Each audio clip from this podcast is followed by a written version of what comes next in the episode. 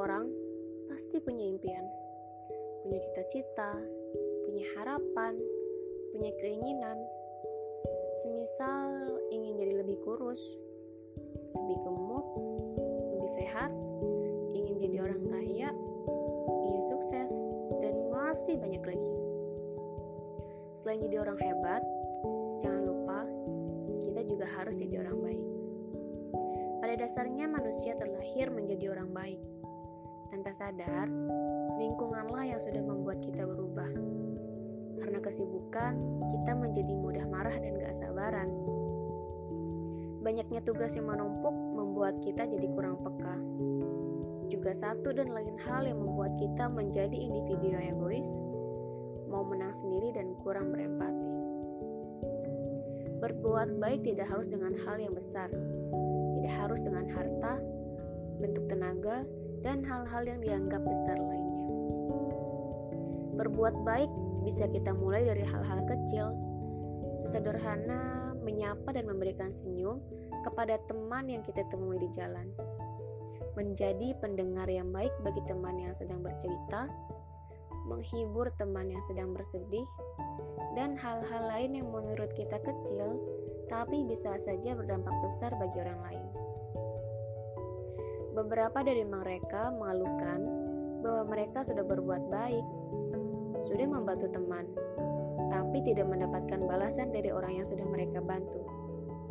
Mereka sudah mengerahkan tenaga dan pikiran untuk membantu temannya, tapi ketika mereka sedang susah, temannya tersebut tidak kembali membantunya Hal itu yang membuat mereka enggan untuk kembali berbuat baik.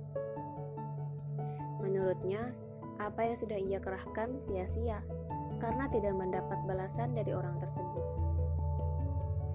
Namun, dalam hal ini Allah berfirman dalam Quran surat Al-Zalzalah ayat 7 8. Barang siapa yang berbuat kebaikan sebesar biji zarah, niscaya dia akan melihat balasannya dan barang siapa yang berbuat kejahatan sebesar biji zarah, niscaya dia akan melihat balasannya pula. Jadi, nggak usah ragu-ragu untuk selalu berbuat baik, karena Allah akan membalas setiap kebaikan yang sudah kita perbuat. Hilangkan rasa ragu tersebut dan tetaplah menebar kebaikan.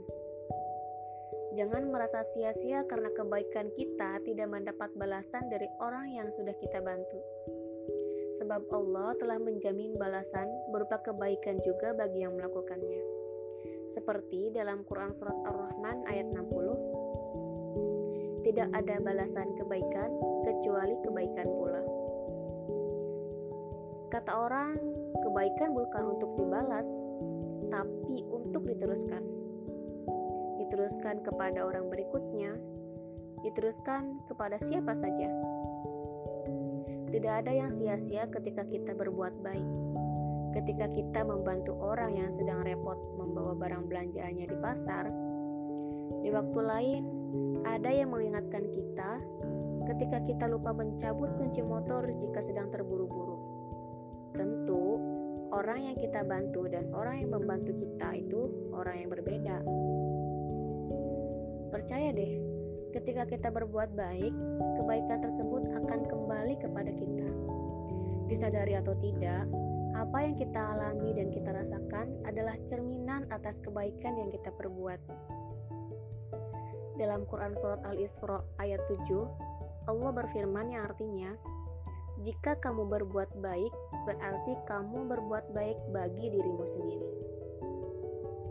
Gak perlu khawatir Allah akan selalu melimpahkan rahmat atas kebaikan yang kita perbuat. Seperti dalam Quran Surat Al-A'raf ayat 56, Sesungguhnya rahmat Allah dekat kepada orang-orang yang berbuat baik.